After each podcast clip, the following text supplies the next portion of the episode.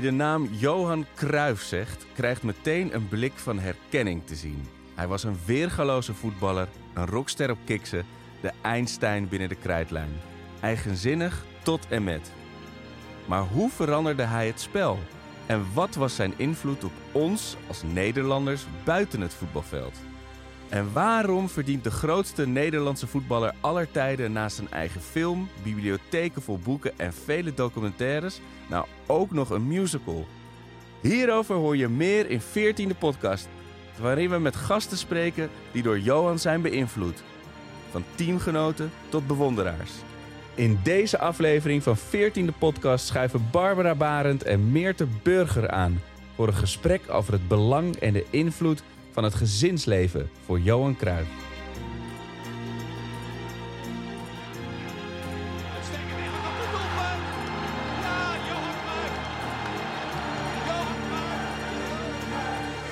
Dit is aflevering 4 van eh 14, de podcast. Aan de hand van de musical over eh, het leven van Johan. Maar niet alleen over Johan gaat de musical en gaat zijn leven. Het gaat eh, bijna minstens net zoveel over Danny Cruijff, zijn eh, vrouw en levensgezel. Eh, en dus zitten wij vandaag aan tafel. En wij zijn in dit geval Meerte Burger. Jij speelt Danny Cruijff Ja, in de musical. Welkom. En aan de andere kant van de tafel Barbara Barend. Net terug uit Barcelona. Ja, Eh, dus de, de, de setting zit vers in het geheugen, zal ik maar zeggen. zeker. Eh, ja, en, en van alle mensen die we spraken, we hebben een jeugdvriend gesproken, een, een, een speler, een, een oud speler uit het Gouden Elftal. Maar in die zin heb jij ook wel een unieke eh, connectie, want ja, jullie, familie, jullie waren familievrienden van de familie Cruijff. Ja, ja ik denk het wel. Mijn, mijn, mijn ouders, die, die kwamen daar en, en zij kwamen ook wel eens bij ons.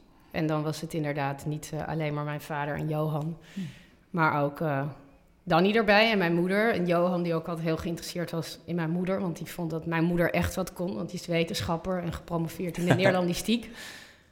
En mijn moeder heeft hem ooit uitgelegd dat hij ook heel intelligent is.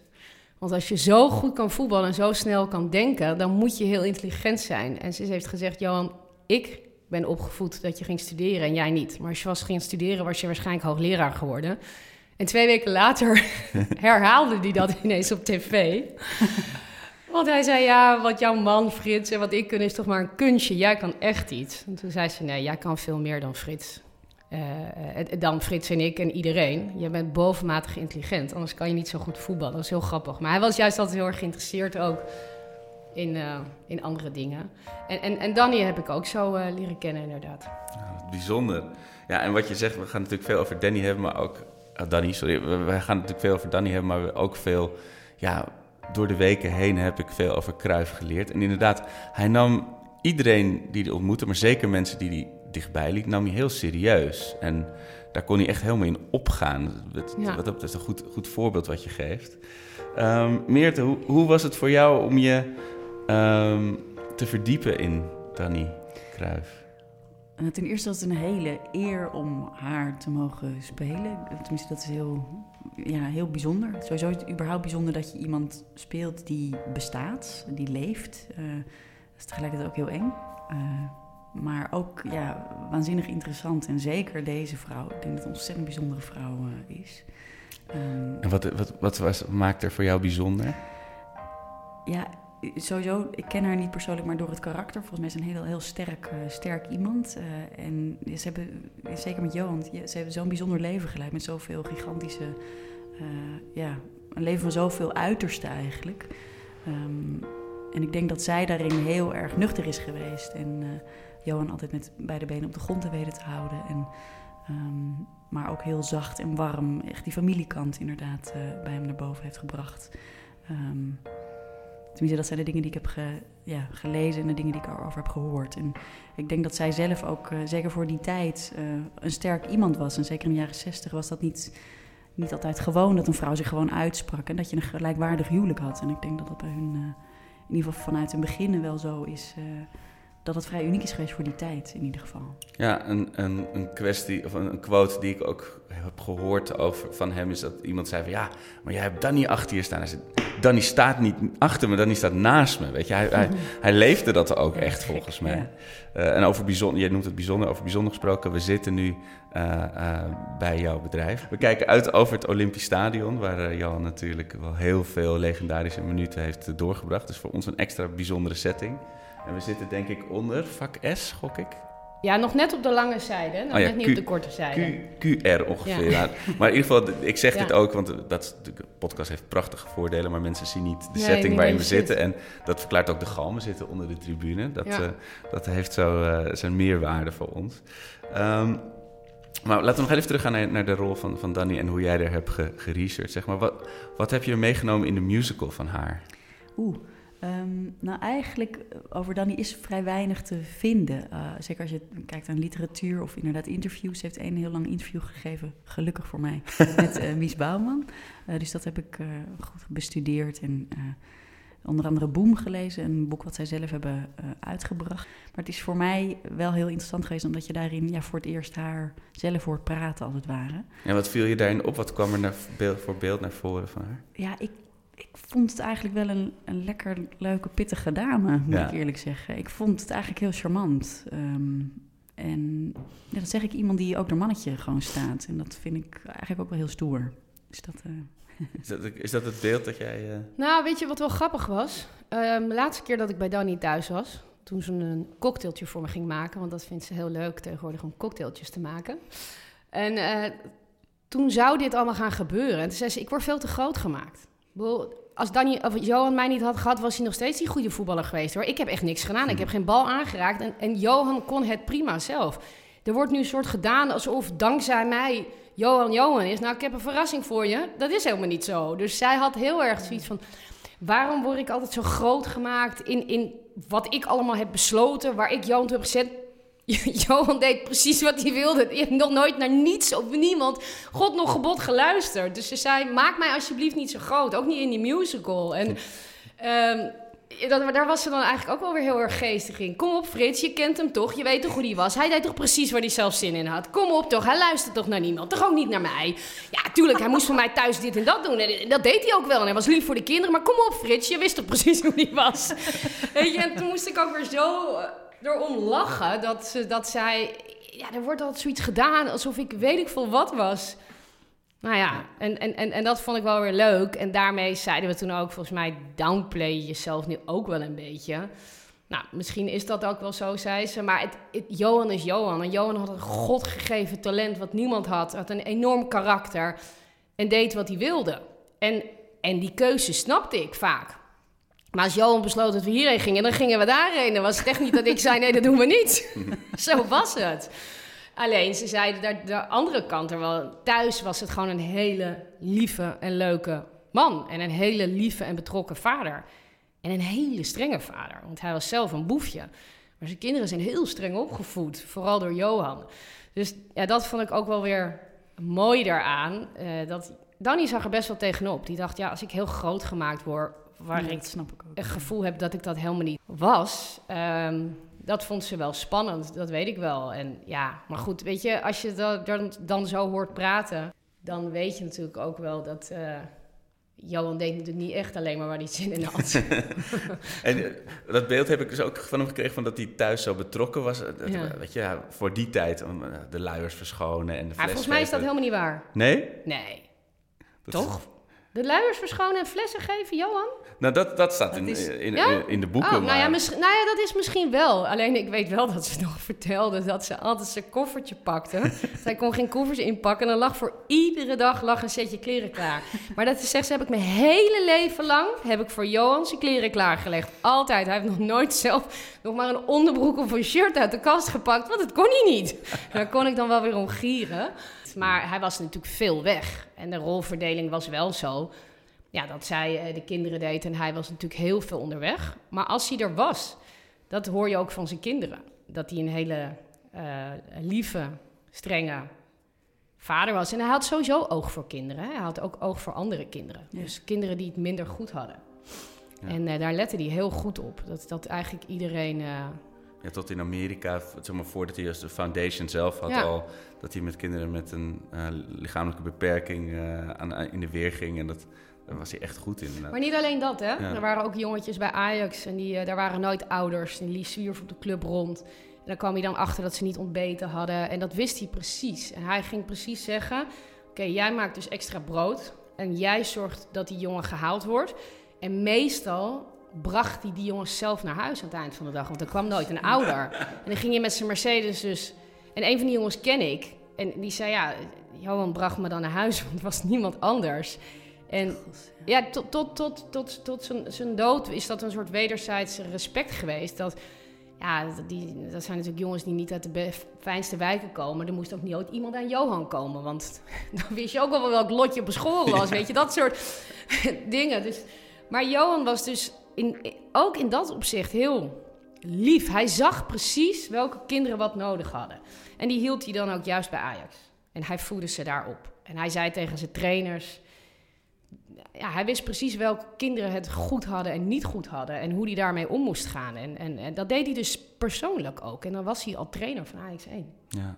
Ja, te gek. Want hij zag Ja, zichzelf echt. waarschijnlijk ook eh, dan staan als klein jochie op, van de club zonder vader. eh, die daar... eh, Ja, alleen ik heb het nu wel over kinderen die het erger hebben. Die geen eigen bed hadden, waar Ja. de ouders dealers waren en die geen eten kregen. Dus echt wel, die echt, echt, echt moeilijk thuis hadden. En Ja. hij zag dat gewoon.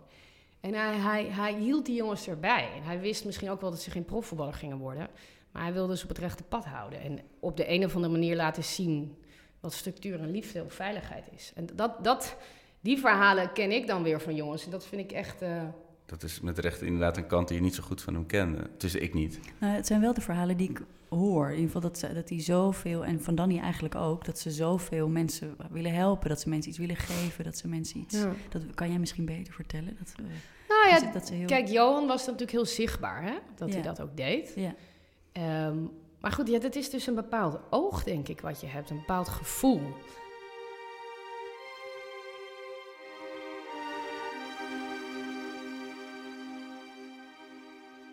Hij nam voor iedereen de tijd. Ik weet dat ik een keer in een zaal stond en volgens mij, ik, ik weet het niet, maar er was, stond een heel eh, hoog, of iemand van het Koningshuis, politicus, en die liep straal voorbij om mij te groeten, weet je wel zo.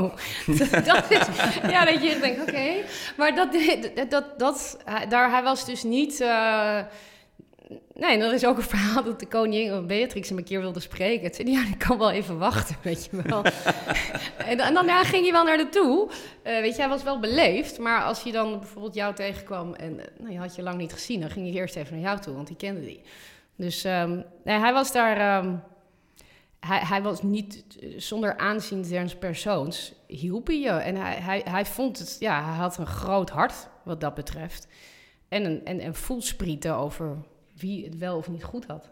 En, ja, hij keek op niemand neer, maar hij keek ook nee, tegen niemand op. eh, Nee, nou, hij keek wel tegen mensen op. Hij keek dus in het begin tegen mensen op die, eh, en dat is eigenlijk wel jammer.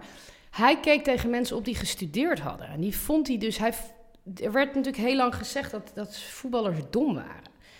En dat heeft hij denk ik ook eventjes gedacht. En hij keek dus tegen mensen op die in zijn ogen echt iets konden, wetenschappers. En dat hij is had, hij had geen, sorry, hij had geen diploma's, dus dat was misschien voor Ja, hem ook dat was het. En dat was ook Ja. een frustratie van hem. En daarom is hij ook zijn universiteit begonnen. Hè? Het was een frustratie van hem dat sporters, die, die heel lang in de sportwereld hadden gezeten, dan niet ergens in het bestuur konden, omdat ze ja, geen universitaire diploma hadden. Geen papiertje. Ja, en, en, en, en, en, maar hij heeft denk ik pas later, dus eerst keek hij daar denk ik wel tegenop en later ingezien ja, dat er verschillende vormen van intelligentie zijn. En dat het niet altijd uitgedrukt wordt in een eh studioronde. Nee. En, en nog even terug naar Danny. Het is ehm, eh, voor mij als, als voetbalsupporter was het altijd heel wonderlijk, want haar kende ik niet, Johan Cruijff wel, maar het is toch ah, een van de grootste, zo niet grootste voetballer aller tijden. En dan had je, was je met iemand die daar niets mee had, volgens mij. Het is toch dat Rembrandt thuis komt en dan ja, heb je lekker geschilderd vandaag. Nou, daar wil ik het niet over hebben vandaag, weet je wel. en dat lijkt me zo... dat- dat- verbeter me vooral als dat beeld veel te extreem is. Zo. Maar dat contrast lijkt me zo interessant. Dat je de sterren van de hemel voetbalt. En dat iemand daar gewoon helemaal niks over hoeft te weten of te horen. Thuis, thuis gaan we het niet over voetbal hebben. Nou ja, ik weet niet hoe, Barbara weet het misschien beter, maar ik kan, kan me voorstellen dat ze echt wel trots eh, is geweest op hem. Alleen ze was ook heel nuchter. Inderdaad, thuis Ja. ben je ook gewoon weer thuis. En eh, gaan we het niet over voetbal hebben, gaan, heb je, heb je, ja, ben je op je werk geweest, nu gaan we het gewoon over thuis en het gezin hebben. En eh, doe je ook gewoon weer mee in het gezin, doe je ook gewoon stofzuigen, dat soort dingen. Ja, dat weet ik niet zo goed. Want ik heb hem natuurlijk niet voetballend meegemaakt. Toen was ik nog zo klein. Ehm, maar weet je, volgens mij het, draaide natuurlijk wel om Johan in het voetbal. Dat, wat, dat was de speelwel natuurlijk van het gezin. En, en dat, daar steunden ze hem ook in. Dus ik denk dat het soms ook wel een beetje overtrokken wordt, dat beeld. Waren zij totaal niet geïnteresseerd. Dat is niet zo. Ze is al zo lang met hem. En hij was voetbal. Ging ook eigenlijk heel veel over voetbal. Ik kreeg altijd voetbalcollege als ik bij Johan was. En dat was... Want, want jij, was, was, jij was een hartstikke goede voetballer ook natuurlijk. Ja, Dus, ja, dus dat vond hij wel interessant ja, en hij stond ook bij de wedstrijd langs de lijn, want ik speelde tegen Jordi. En ook mijn clubje Buitenveldert hier. Ja, dan stond hij met Tony Bruin Slot, stonden ze met z'n tweeën. Werd je gescout door Johan Cruijff? dat hoopte ik altijd. Fantastisch. Ik hoopte altijd dat ik gescout werd. Ik was wel altijd de beste van mijn team, maar ze namen geen meisjes bij Ajax, dus daar baalde ik van. Maar dat, hij heeft daarna wel weer, toen hij bij Ajax kwam, een van de eerste dingen wat hij gedaan heeft, is dat hij zei, er komt vrouwenvoetbal. Er waren heel veel mensen bij Ajax tegen. Ehm, maar ik speelde dus wel tegen, eh, tegen, Aja- tegen Ajax en dan kwam hij wel na afloop zeggen, goed gespeeld hoor, weet je, was ik trots. Ja, dat, is wel het allergrootste compliment wat je ooit in je voetbalcarrière kan Ja, krijgen. maar als klein meisje heb je Nee, dat allemaal... Maar dan speelde je tegen zijn zoon. Dus ja, ja, Jordi. en het verhaal gaat dat ik Jordi gepoord heb. En daar is hij heel lang aan herinnerd en mee gepest. Maar ik kan me dat helemaal niet herinneren. Maar goed, het is een mooi verhaal, dus we houden het er maar in. Dat is een heel mooi verhaal.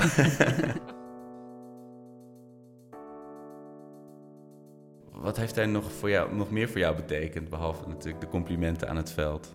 Als mens kan je heel veel van hem leren. Wat ik aan hem heel bijzonder vind, is dat hij was heel goed. En hij heeft na zijn carrière, eh, waar hij heel goed eh, in was, heeft hij gebruikt om de wereld te helpen. Terwijl hij dat ook kan gebruiken om heel veel geld te verdienen. En, en dat, dat vind ik heel leuk aan hem. Ja, het En wereld- aan, aan hun heel erg sieren, in, Ja. in die zin. Dat dat zo, En in dat, volgens- eh, wij hebben, maar, wij hebben een bedrijf Helden. En ik vind niet dat je alleen een held bent als je een geweldige sporter bent. Maar als je vervolgens nog andere dingen nalaat. En of dat nou is voor minder bedeelden of kinderen met een handicap. ehm, hij vond gewoon, en daar heeft hij zo gelijk in, dat sport is zo leuk en belangrijk en zo goed op zoveel, in zoveel opzichten. Sociaal zelfvertrouwen. En ieder kind moet het recht hebben om te sporten. Dat vond hij ook. En of je nou eh, geen benen en geen armen hebt, maakt niet uit. Iedereen moet kunnen sporten en daar zette hij zich voor in. En ook kansarm. eh, en, en, en, dat heeft hij natuurlijk gedaan. En, en vervolgens is hij in gaan zetten dat kinderen eh, die sporten ook kunnen blijven studeren. Ik ben nog naar Amerika gegaan om daar te studeren en te tennissen. Want ik kon hier mijn studie niet met tennis combineren. Maar daarna kwam die, eh, kwamen zijn universities. En dan had ik gewoon prima ook met tennis met, met studie kunnen combineren. En al die dingen eh, nou, die hij zag om zich heen, wat er niet was, ja, daar hield hij zich mee bezig. En daar, daar, daar hoef je niet dicht bij Johan. voor- Zo dicht, het is niet ik een weekloos zag, hè. we moeten het ook niet overdrijven. Ehm, maar ja, dat, dat vond ik leuk. En ik vond het wel leuk dat ik af en toe dichtbij mocht zijn en naar zijn verhalen mocht luisteren. Want hij was ook gewoon heel erg slim. Ja, en ik heb ook wat. Op mij komt nu het beeld over dat hij in die zin jou met helden ook al heeft geïnspireerd. Ja. Door hoe hij daar Ja. tegenaan kijkt naar sport. En, Ja, ja sport en, en, en, en, en inspireren en goed doen en wat betekenen voor de maatschappij. Kijk, het zijn allemaal dingen wat nu hè, iedereen roept. Maatschappelijk betrokken bedrijven moeten dat ook zijn. Maar, urgentie. ja, en, maar hij deed dat gewoon. Ja.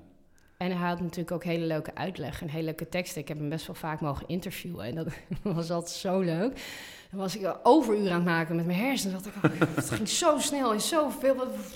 Hè, moest je alles verwerken wat hij zei. Dat was, eh, was. Maar wat ik ook, waar, kijk, wat ik ook heel erg leuk vond aan hun samen. En een van mijn mooiste herinneringen aan Danny is dat hier in het Olympisch Stadion voetballen we altijd met de Cruyff Foundation.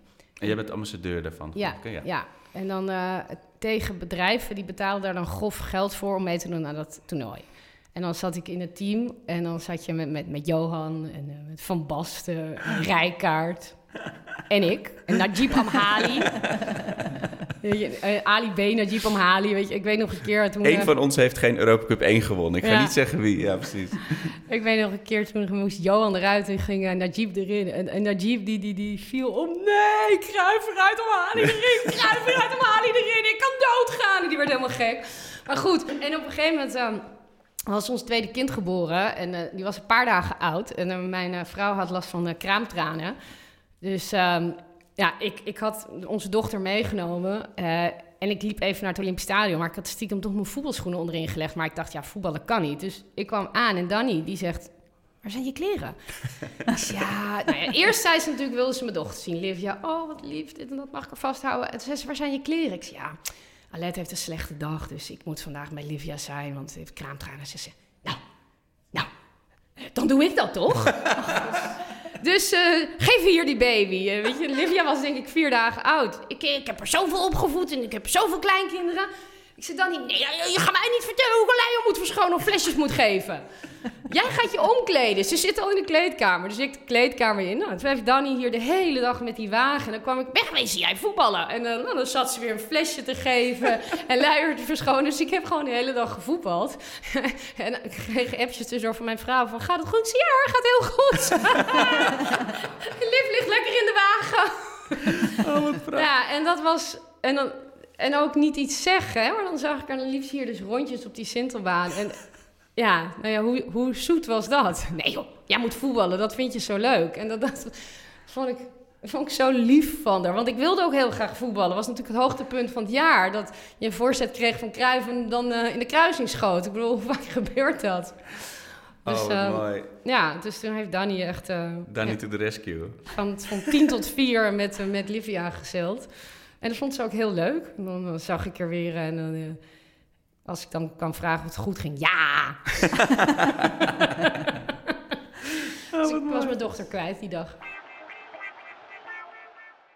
Meert, eh, hoe, hoe zijn jouw voetbalskills dan wel? Eh, heel erg tragisch, moet ik zeggen. Ik vind het echt verschrikkelijk. Nee, ik, ik, ben, eh, ik kan helemaal niet voetballen. En, ehm, ik heb wel, wel gesport vroeger altijd veel, maar meer ballet. Vroeger eh, veel ballet gedaan. Oh, nog even kort bij het Nationaal Ballet bij de jeugd. ge- maar mijn voet ging naar binnen groeien. Dus eh, dan word je afgekeurd, omdat je arabesque, dat is dan een, eh, Ja. een dansmove als het ware, waarbij je benen in een hoek van 90 graden moet staan. Die wordt dan krom, dus dan, eh, dan mag je niet meer meedoen. En je zat wel... Je, Wat ballet was hard, alles. zeg. Ja. Hoe Ja. oud was je toen? Toen was ik 12, ja. En dan is dat bam. Ja, ja. En krijg je dan nog nazorg of is het gewoon nee, een schop onder je klaar. kont en is- weg? ja, ja, dat, Niemand ja. die je nog belt. Nee, eigenlijk niet. Nee, het is, het is heel hard. Er zijn, er zijn natuurlijk heel veel meisjes die dan afvallen op die. eh, op En die dan, leeftijd. dan ben je toen in een depressie beland? Nee, maar ik vond wel heel. Ik vond sowieso wel een heel zwaar, heel hard leven. Eh, eh, het is heel competitief, maar ook. het waren niet de allerleukste docenten die je daar had. Die waren heel streng. Eh, je werd soms doorgeduwd, je voeten werden soms naar beneden geduwd, Ugh. zodat je goed diep kwam, dat soort dingen. Ehm, dus het was niet iets. Ik zat toen al wel te twijfelen van ja, is dit nou iets wat ik wil doen? Maar ik vond het gewoon geweldig om op het podium te staan en ja, Ja. je gevoel om te zetten in iets, eh, in Mhm. kunst Ja, eigenlijk. en je uiten, ja. En je uiten. Maar dat kon gelukkig daarna eh, met iets anders, met Ja. theater. Maar goed, ja, dat is wel dus een jeugd waarin je opgroeit met inderdaad competitief, prestatiedrang, eh, veel eisend. Eh, Ja. Je moet er dingen voor laten. Dus in Ja, die zin, dat topsport, topvoetbal, dat, dat kon je wel oproepen, denk ik, dat, dat gevoel. Het gevoel wel. Ja. Ik denk dat het vergelijkbaar is. eh, dat weet ik niet. Is, is dat zo, Barbara? Want je hebt natuurlijk ook, je hebt ook gevoetbald. eh, eh, Ja, jeugd maar ik heb wel het gevoel dat dat soort sp- individuele sporten, zoals eh, wat Ja. jij schrijft, omschrijft met ballet en turnen, dat het nog veel heftiger is. Ik, ik, ik ben nooit zeg maar eh, met een vinger aangeraakt om met zowel tennis of voetbal ehm, Of je pols eh, iets breken. verder te krijgen. Ja, ja, ja. Nou, eh, eh, heb, is er ook genoeg, zijn er genoeg misstanden ook in, in voetbal en tennis hoor. En, eh, met aanraking en trainers die, die seksueel misbruiken en zo. Maar ehm, di- di- dit soort hele harde dingen. En ik was ook niet zo heel goed. Dus ik wist wel dat ik. ik voetballen was ik wel goed in. Maar tennissen wist ik dat ik de top niet ging halen. En ik had ook wel een grote bek. Dus als ik vond dat iets niet kon, dan deed ik het ook niet. Ook daar zal Johan trots op zijn geweest, denk ik. Ja, dat denk ik wel. ja. Ja, ik, ik, ik kwam laatst met tennisleraar tegen. Het schaamde echt dood. Zei, ja, ik mocht jou een keer bondstraining geven, want we hadden een uitwisseling van Haarlem en Amsterdam. En ik was al die keurige kindjes hier in de buurt gewend, die hadden het alles nou, rechtdoor en dan kort wel dit. En, en jij, waarom? waarom moet dat? Kan je me dat uitleggen? En, ze, en zei, nou, ik wil het anders doen. En hij zei, dat hadden we nog nooit meegemaakt. Dacht ik, oh wat erg. ik heb nu een zoon die bij alles vraagt waarom. Nee, dat doe ik niet. Als het niet nuttig is, doe ik het niet. Dacht ik, oh, ik was dus blijkbaar ook zo. maar goed, dus nee, ik, was, ik nam niet klakloos alles voor waar aan. Heel goed. Eh, en, en Witte, voor jou die rol als, als nou, voetbalvrouw, de- de- Danny was natuurlijk meer dan dat, maar hoe heb je daarop voorbereid? Is, heb je in het in theaterwereld, in het acteurswereld, heb je er ook een soort, dat soort verstandhoudingen als de een wel bekend is en moet acteren en de ander niet? Oeh, dat weet ik niet. Dat zal ongetwijfeld zo zijn, maar dat, eh, ik ken niet per se iemand in mijn omgeving die dat zo heeft. De trotse Amsterdamse vrouw. Ja. Danny is eh, volgens mij inderdaad, we hebben dat, ik had het er net met jou al eventjes voor de podcast over. Ehm, eigenlijk de manier waarop Danny zelf praat, of niet de, de stukjes die ik ervan heb gezien, eh, daar, daar praat ze eigenlijk vrij rustig, vrij achterin, vrij, eh, ehm, hoe zeg je dat? Bijna verlegen soms. Ehm, alleen we hebben dat voor theater, probeerden we dat te gebruiken. En we merkten al heel snel dat dat niet werkte. Nee. Eh, dus op rij 20 hoor je er helemaal Nee. niks van. Dus, Dus de- toen hebben we de- haar steeds meer- ingetogen stijl Ja. werkt niet voor op het Niet voor podium. op het podium, Ja. inderdaad. En, eh, dus vandaar dat we er eigenlijk steeds... En we hoorden wel dat ze vroeger veel Amsterdamser praten, toen ze jonger was. Ja. Eh, dus dat hebben we eigenlijk steeds meer aangezet. Dus in het begin is ze vrij Amsterdams en dat bouwt eigenlijk naar... Ja, gedurende de voorstelling bouwt dat steeds meer af. Dus, eh, ja. dus in het begin is ze wat luider en als Ja. 16-jarige, 17-jarige, als Johan ontmoet, is ze ook vrij... eh, eh, Pittig. en dat vindt Johan dan heel leuk. Tenminste, zo hebben we dat in de voorstelling nu Ja, ja. laten zien. Dus vandaar dat ik begrijp dat je zegt luid, inderdaad. Ja. En eh, ze gaan dan van Amsterdam, hij komt uit Betondorp, zij komt uit Zuid, of in ieder geval uit een ander deel van de stad. En dan gaan ze naar Vinkenveen. Ja. Eh, ben, jij daar nog geweest? Niet bewust. Ik, ik weet wel dat. Maar ik denk dat ik dat niet was. Dat mijn vader. ehm, mijn vader die heeft de eerste twee jaar op mijn zus. Was overdag had hij de zorg. Want mijn moeder studeerde nog. En die werkte al.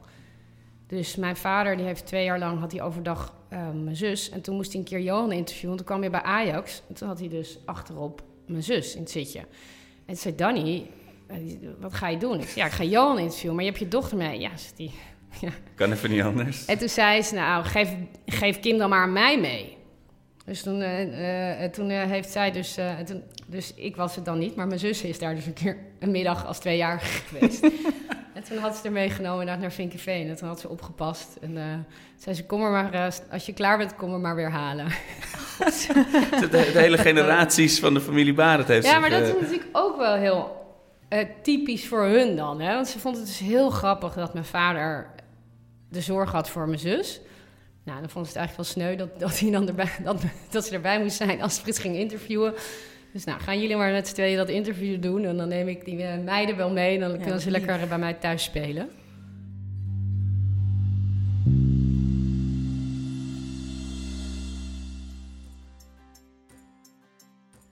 Het spreekwoord naast iedere sterke man staat een sterke vrouw lijkt dus ook op te gaan in het geval van Johan Cruijff.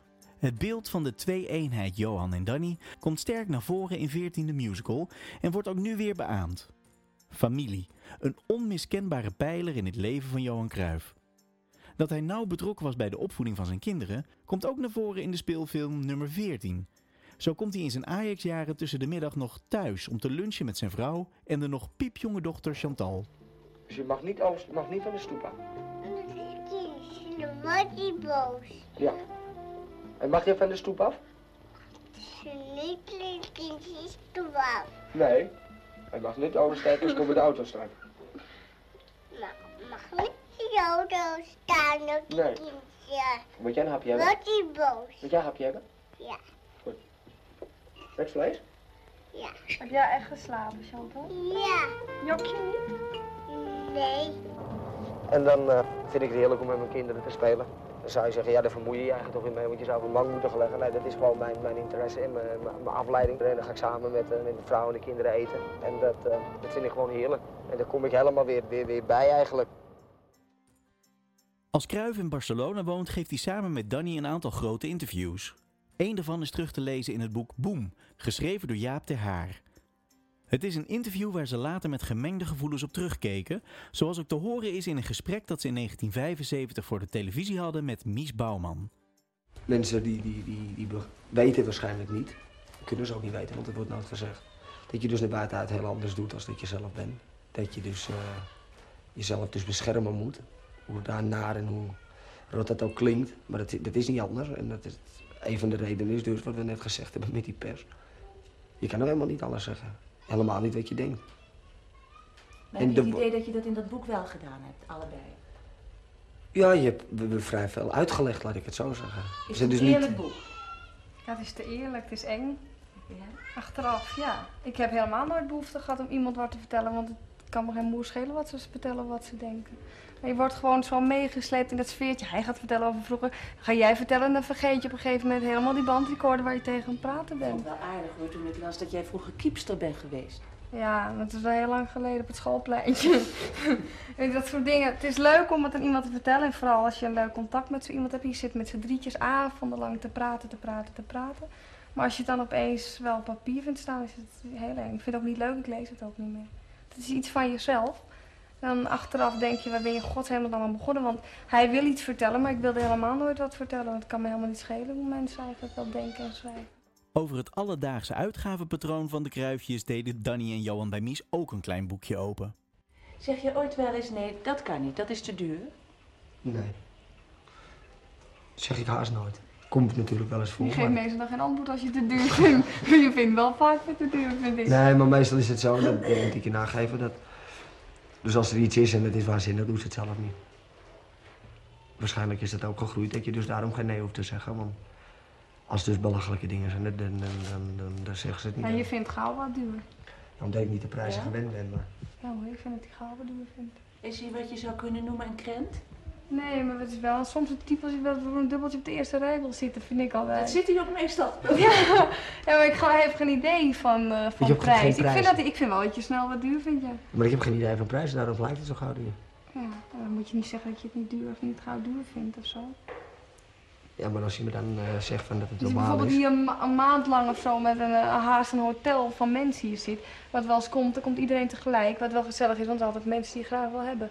Maar dan, is, ze komen nooit netjes keurig met een paar weken, maar opeens komt iedereen is dan in Spanje meestal in de maand augustus. Nou, dan zitten we hier behoorlijk vol. Ja, dan is die supermarkt natuurlijk wel iets duurder dan normaal. Dus het kan niet kanker, joh, uren. Dat vind ik wel hoor. Ik vind wel dat je gauw wat duur vindt. Is dat het betondorp wat dan weer spreekt? Misschien wel. Waarschijnlijk eh, zit het in je en dat zal er toch nooit meer uitgaan. En dat Johan in die tijd de kostwinner is in het gezin wil niet zeggen dat Danny ook niet haar steentje bijdraagt. Net als haar man heeft ze ooit in een reclamefilmpje gefigureerd voor een bekend Spaans verfmerk. Al had ze daar na afloop toch ook wel zo haar bedenkingen over, zoals je hoort in dit fragment. Mientras mi marido se entrena, a mí me gusta pintar con el nuevo esmalte Bruguera acrílic. Tiene colores modernos, seca rápido y no huele. Nuevo esmalte Bruguera Acrylic. Ah, y las broches se limpian con agua. Ik moest zeggen dat dit snel droogde en eh, niet stonk. En achteraf stonk het en het droogde niet snel. Dus eh, wat dat betreft stond ik al helemaal niet meer achter, maar het was leuk.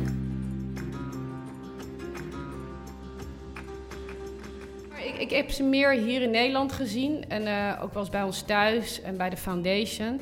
En ik ben in Barcelona nog één keer langs geweest, ja, niet wetende dat hij drie weken later eh, stierf. Oh, Ja. Toen ging ik ossenworsten brengen. Daar was hij eh, heel erg gek op, eh, Ja. begrijp ik. Hè? Ja. Dus ik had gebeld van ik ben er en ik heb het ossenworsten mee. En toen dacht ik eigenlijk ik ga alleen maar afgeven. Maar toen zei ze kom binnen en je blijft toch wel. En ik weet wel dat eh Danny was heel lief. Heel lief ook voor Johan. Terwijl normaal waren ze altijd aan het kibbelen. Dus toen dacht ik al, hé, hey, dat is anders. En Johan zag er slecht uit. En Johan ging mij nog allemaal wijze lessen meegeven over het leven. En, en, en Eentje, eentje nog die je wilt delen of meer gewoon zoals hij het altijd deed? Nee, hij was heel lief. Hij, eh, ehm, ik moet het op een goede manier zeggen. Wij hebben een, een heel leuk, een bijzonder eh, slim en druk eh, zoontje. En die niet zozeer van sport houdt. En Johan wist dat we daar af en toe wel, eh, wel moeite mee hadden hoe we hem nou moesten opvoeden. En toen zei hij, eh, het maakt niet uit dat Sepp niet sport. Ehm, hij is anders, hij is bijzonder. Wees lief voor hem, want hij kan dingen die niemand anders kan. En ik kan me voorstellen dat je er soms gek van wordt en dat je hem niet snapt. Maar leer hem kennen en wees lief voor hem en zorg dat hij het veilig heeft thuis. Dat is het allerbelangrijkste. En dan gaan we nog heel veel. eh, nou ja, dan heeft hij het inzicht dat, we, dat hij dingen kan doen die, die normale mensen niet kunnen. Dus, en dat was natuurlijk best wel bijzonder, want hij heeft hem een paar keer hier gezien. Maar hij zei: eh, Ik heb er echt goed met Danny over gehad. En eh, je moet echt lief voor hem zijn. Je moet goed voor hem zorgen. Heel goed voor hem zorgen, want dat heeft hij nodig. Dus ik werd wel met een eh, wijze les weggestuurd. Ja, me dunkt. Zo bijzonder. Zo, dus dat ging... Nou ja, kijk, hij zegt wat psychiaters zeg maar zeggen. Ja. Maar dat doet hij. Ja. eh, zonder hem te onderzoeken of te doen. Maar hij gaf dat toen mee. En, eh, het is niet erg als je niet sport. En kijk maar... En uiteindelijk vindt hij nu turnen heel leuk. Hm. Ehm, en hij hoeft geen teamsport te doen, Barbara. Dat hoeft niet. Dat hoeven we niet allemaal. La- laat hem zijn wie hij wil zijn. Beloof me dat. Beloof me dat. Ja. En dat vond ik wel weer... eh, Maar er- dat, wat er, wat dat, dat hij, want hij, je zegt hij heeft hem een paar keer ontmoet. Ja. En dat hij dat dan allemaal daar uithaalt. En, Ja. en wat ik in andere afleveringen ook al zeg over met, met voetbal, wat, wat er bijzonder aan hem was, dat hij, hij dacht een stap of 28 of 40 eh, verder dan wij, zeg maar. Maar dat was dus niet alleen met voetbal. Nee. Nee, dat zag je hier ook. En ik weet dat toen ik wegliep, dat ik die straat uitliep en dat ik toen, eh, dat ik toen heel hard moest huilen. Om alles, denk ik. Om hem zo te zien, om de rust die er was, om de les die hij mij meegaf. En ik denk dat hij gewoon wist van, we gaan elkaar nooit meer zien. Eh, en ik vroeg aan hem, en nog aan Danny, gaat het wel goed? Ja, gaat hartstikke goed. Maar dat was natuurlijk al lang niet meer zo. Maar en dat ik toen ook ik weet niet waar in Barcelona het ook weer was, maar dat ik maar een tijdje liep en op een gegeven moment maar in een kroegje ben gaan zitten en een biertje besteld en ook dacht, jeetje, heftig. Ik had daarvoor ook een heel leuk voetbalcollege gekregen hoor, over wat er allemaal fout ging. Maar het eindigde echt met wel een uur eh, wijze lessen over eh, kinderen opvoeden en, eh, en, en hoe om te gaan met... hij zei, jij liep vroeger ook niet in de pas. Ja. En jouw ouders lieten jou ook. En, dus dat, dat was heel... Het is zo fijn om zo die, die kant van hem te horen, los van wat er over... Dit staat niet in boeken die ik heb Nee. gelezen. Of, of, Maar ik vind het wel bijzonder, want eigenlijk iedereen die je spreekt, eh, die heeft wel een... Tenminste, er zijn zoveel mensen die een verhaal met Johan hebben qua dat Ja. hij eh, gewoon gezellig met iemand praatte en oprecht geïnteresseerd was. En Ja. Dat vind ik wel heel bijzonder. En het- ik hoor heel veel dingen, want ja, Danny past dan op je kind, zodat je kon voetballen. En, en op je zus, zodat je vader zijn werk kon doen. Hij, er is een soort lijn te trekken tussen hoe hij naar sport en kinderen keek. En, en, en Ja, opleiding. En heel, ja. Hmm. is, is dat hoe je op hem terugkijkt? Is, het- is Ja, het familie? nou ja, kijk, hij, hij, hij ik, ik, zoals hij zei ook wel eens, ik kon toevallig een kunstje. Dat vond hij, een kunstje. Nou, misschien iets meer dan een kunstje. Maar en dat, daar, daar, daar was hij goed in en daar heeft hij de wereld mee veranderd. Heeft hij Nederlandse voetbal mee veranderd. Want voor Johan Cruijff stelden we niks voor. Dus hij heeft Ajax, hij heeft Nederlands elftal, Nederlands voetbal. Hij heeft alles veranderd en de wereld daarmee. Nee, dat vond hij. Nou, misschien dat hij later dat ook wel inzag. Maar hij vond andere dingen in het leven belangrijker ook. Hij vond dat je je school moest afmaken. Hij vond voor elkaar zorgen en, en familie. En, en, en dat, dat vond hij eigenlijk heel belangrijk. En dat hij toevallig een kunstje kon. Nou ja, goed, daar heeft hij dan ook wat mee gedaan. Maar die andere dingen, ja, vond hij veel belangrijker. En daar is hij dus ook niet, terwijl hij zo groot was, anders in geworden. Ja. Hij was ook, ehm, weet je, daar kan ik ook om gieren. Had bij zijn Cruijff Foundation heel veel lesbische vrouwen werken. Maar hij zag dat helemaal niet. Hij zag niet... Het hij hele zag, concept. Hij zag niet wat voor kleur jij had. Of je man of vrouw was. Hij wilde gewoon praten over onderwerpen. Had dat niet door. En op een gegeven moment gingen ze volgens mij naar... eh Alison Ennen, de, de, de, de bondscoach nu eh, van de vrouwen, die moest coachen, kijken met Carole Taten, eh, die zijn rechterhand is, toen directeur van de foundation. En ik weet dat Danny toen zei, waarom heb je nooit verteld dat Alison en eh Carole met elkaar waren? ja, ik veel, wat maakt dat nou uit? ja, hij zag dat niet. En het interesseerde hem ook niet. En Nee, hij wilde dat- gewoon dat de juiste mensen op de juiste plek zaten. En, dat- dat- ja, en ik geloof toen mijn ouders eh, hem vertelden dat ik een vriendin had, dat, dat Danny en hij ook reageerden. Ja, Dus, maar, heb moet je je, dat vertellen. Ja, ja. ja, hij interesseerde ze helemaal niks. Dus dat was ook zoiets grappigs. Ja. Hij vond het ook heel raar dat mensen zeiden... vrouwen mogen niet voetballen. Ja, dat is zo niet. veranderd. Dat Toen ik inderdaad, ik ben 41, toen ik ging voetballen, had je dan af en toe, en speelde je inderdaad tegen Ja. een team met een meisje erin. En dan wist je altijd, oh oh, want die was dan ook meteen de beste van het team.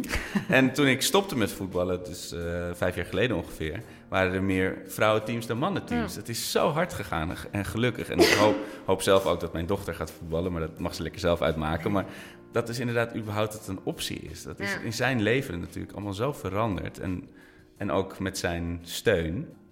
En nog even over dat kunstje, want je zei van, eh, ja, het- hij zei dat soms, hij maakte dat kleine kunstje. Is hij daarom ook toen al vrij vroeg de eerste keer gestopt op zijn 31ste? Want hij had natuurlijk nog jaren in zich, maar hij, hij en Danny waren het volgens mij wel over eens dat het klaar was. Hoe, hoe was dat voor, voor hem, voor hun, denken jullie? Dat hij gewoon zei, oké, ik ben fantastisch, maar nu ga ik wat anders doen. Wat ik wel weet is dat ze natuurlijk veel heftige dingen ook in hun leven hebben meegemaakt. En eh, hij was natuurlijk toen al... Je kon in India een taxi, een taxi instappen Ja. en die wist wie Johan Cruijff was. Weet je, er is nergens... Ik bedoel, Rembrandt en Johan Cruijff zijn onze grootste exportproducten. Dus, nou ja, en ik denk dat de tax- taxichauffeur in India Rembrandt niet kent, maar wel Johan Cruijff. Dus ja, weet je... ehm, dus er is nogal wat gebeurd in dat leven. En ook natuurlijk redenen waarom hij wel weer is gaan voetballen. Maar ze, hij ging toen weg bij Ajax. Toen zijn ze nog bedreigd. Er is een vogelspin naar ze opgestuurd in Vinkenveen. En nog later in Barcelona is, zijn ze overvallen thuis, Ja. geloof ik. Of Een gijzeling is, tenminste een Ja, poging tot gijzeling. gijzeling is er Ja. gedaan. Ja. Ja. Ja, en dat, dat, dat, die, die, die faam, dit, dat, dit hyperberoemde, dat, dat drukt natuurlijk dat drukt zwaar op je gezinsleven, denk ik. Ja, en wat ik vooral zo fascinerend vond, dat ho- hoorden we eigenlijk pas toen we eigenlijk net waren begonnen met repeteren, was dat Johan toenertijd, ik geloof dat dan, hebben we het dan over jaren 60, 70, eh, dat hij de tweede bekende persoon na Nixon was op dat moment. Ja. Maar ze stonden gewoon in het telefoonboek. Dus eh, ze hadden binnen no time hadden ze mensen inderdaad ook die eh, babykleertjes van de waslijn die gewoon in de tuin stonden. eh, en inderdaad dozen met drollen opstuurden. doosbedreigingen. Iedere dag mensen aan de deur die met Johan op de foto wilden, van handtekening wilden. Maar ook die dachten, oh ja, bijvoorbeeld... ehm, eh, ik heb geld nodig voor dit of dat. Kan je dat? Jij hebt genoeg geld. Kan Onbekende, je dat eventjes? of Onbekende, semi-onbekende. totaal. Ja. Maar dus ook, dus, zij- maar ik denk dat zij de eerste waren die dat soort dingen meemaakten. En Ja. daarna, nu is dat zoveel beschermer. Nu staat er een agent tussen of Ja. een management. Of, dat was toen allemaal nog niet. Dus ze hebben dat echt moeten ondervinden aan de Ja. lijve. eh, ja, door schade en schande noem ik het maar even. En hij was natuurlijk ook wel qua persoonlijkheid uniek, hè? Hij gaf overal antwoord op. Hij zei altijd wat hij dacht. Hij was niet diplomatiek. Dus weet je, hij was natuurlijk altijd vanaf het begin... Stond altijd open. Hij stond altijd wantrouwend tegenover de macht, bestuurders. Hij nam het altijd op voor spelers, weet je. Dus het was natuurlijk een bepaalde... Ik denk ook nog wel... Ja, misschien in die tijd, weet je, een beetje de, de linkse provo-inslag. Ja. Dat, dat was hij natuurlijk. Ja. Dus ja, hij, hij, hij, hij deed ook niet voor de vorm mee. Van jongs af aan heeft hij natuurlijk ja, daarmee ook veel vijanden gecreëerd. Ja, het is het is alles of niets. Zijn weg of geen weg. Niet eens zozeer zijn weg of geen weg. Hij, hij zei gewoon wat hij dacht. En, en, en dan heeft heel vaak Danny, alsof Danny allerlei dingen besliste. maar dat haalt Danny dus onderuit. Nou, dat geloof ik ook wel. Ik denk ook wel dat, dat Ja, Johan ze ook zei, wel- hij had zo zijn eigen... En, ze zegt, en dat, dat steunde ik. Ja. Dat snapte ik wat hij zei en wat, waarom. Maar hij heeft natuurlijk niet alleen maar vrienden gemaakt. Er waren ook echt wel, en zijn Johan-haters.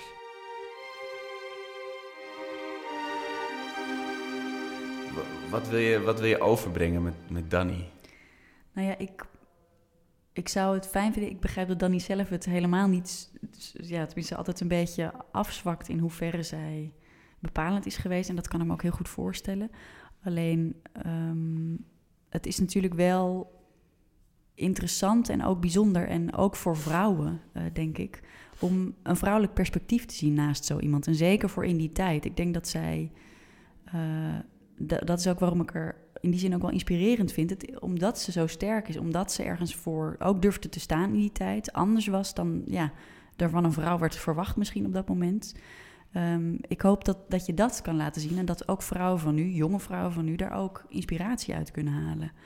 En eh, naast het feit dat ze inderdaad ook een zacht en lief en fijn iemand is geweest en inderdaad mensen eh, heel erg hielp. Ik hoorde laatst eh, een verhaal van weer iemand eh, bij hen in de omgeving, een vriend, die ook zei van altijd als ik met Danny over straat loop, het eerste wat ze doet is als ze bijvoorbeeld ja, een dakloze op straat ziet, dat ze meteen knielt en geld in de hand drukt, maar ook diegene vijf minuten lang aankijkt om te zeggen, ik wil je Ik iets jou. meegeven, ik zie jou en ga iets goeds doen met je leven. En dat vind ik hele bijzondere dingen die je niet hoort, die je niet. Ja. eh, dat zijn de verhalen die alleen intimi weten. Ja.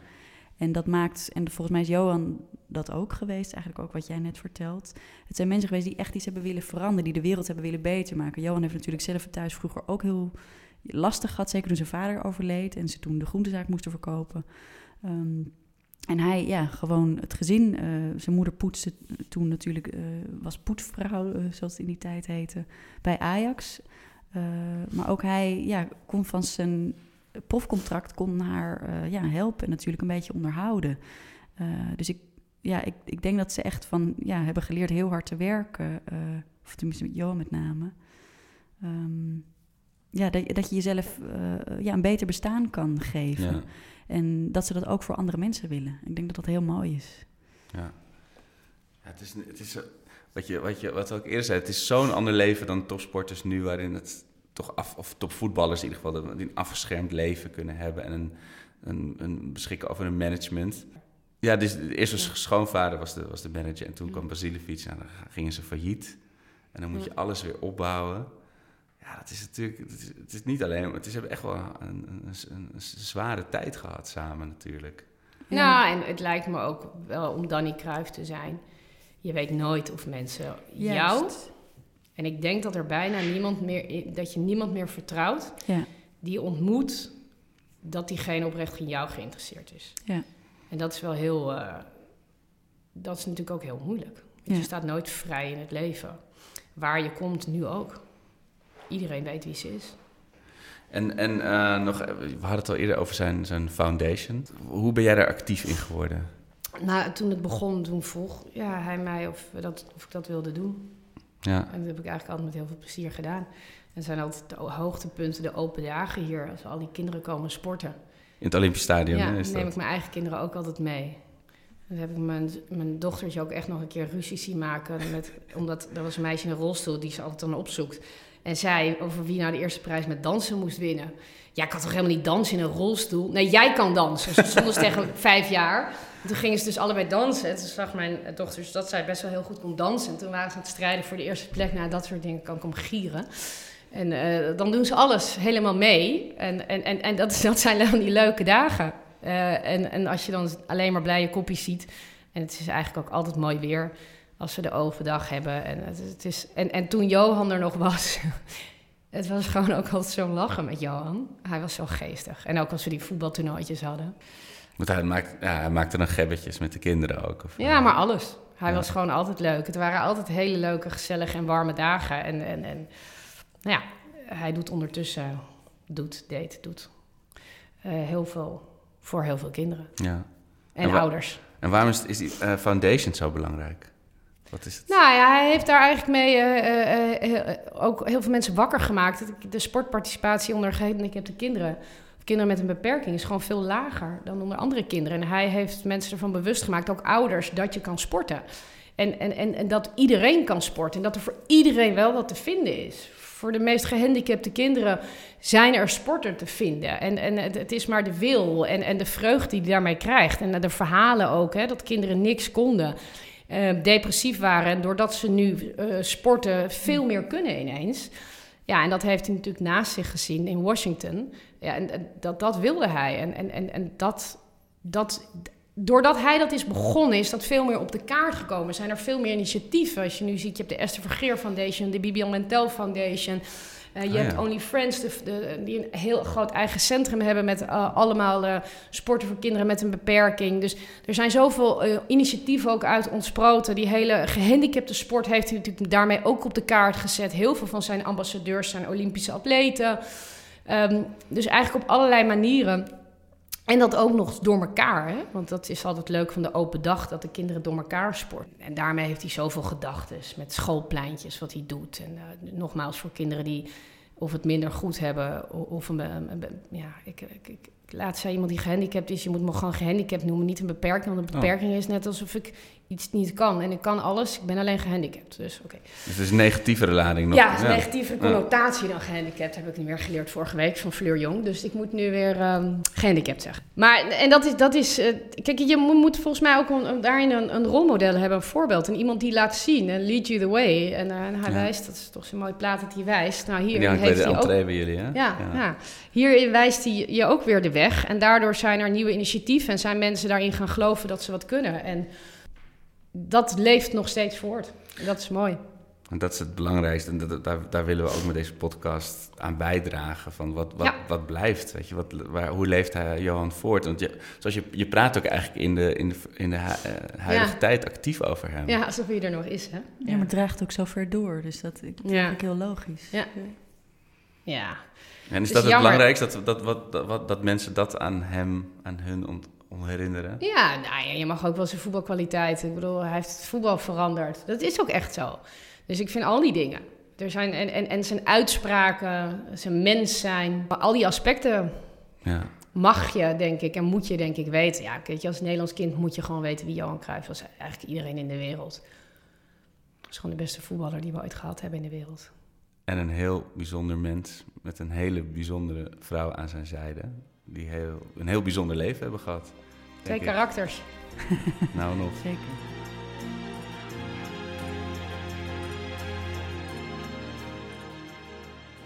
Bedankt voor het luisteren naar dit zesluik over Johan Cruijff.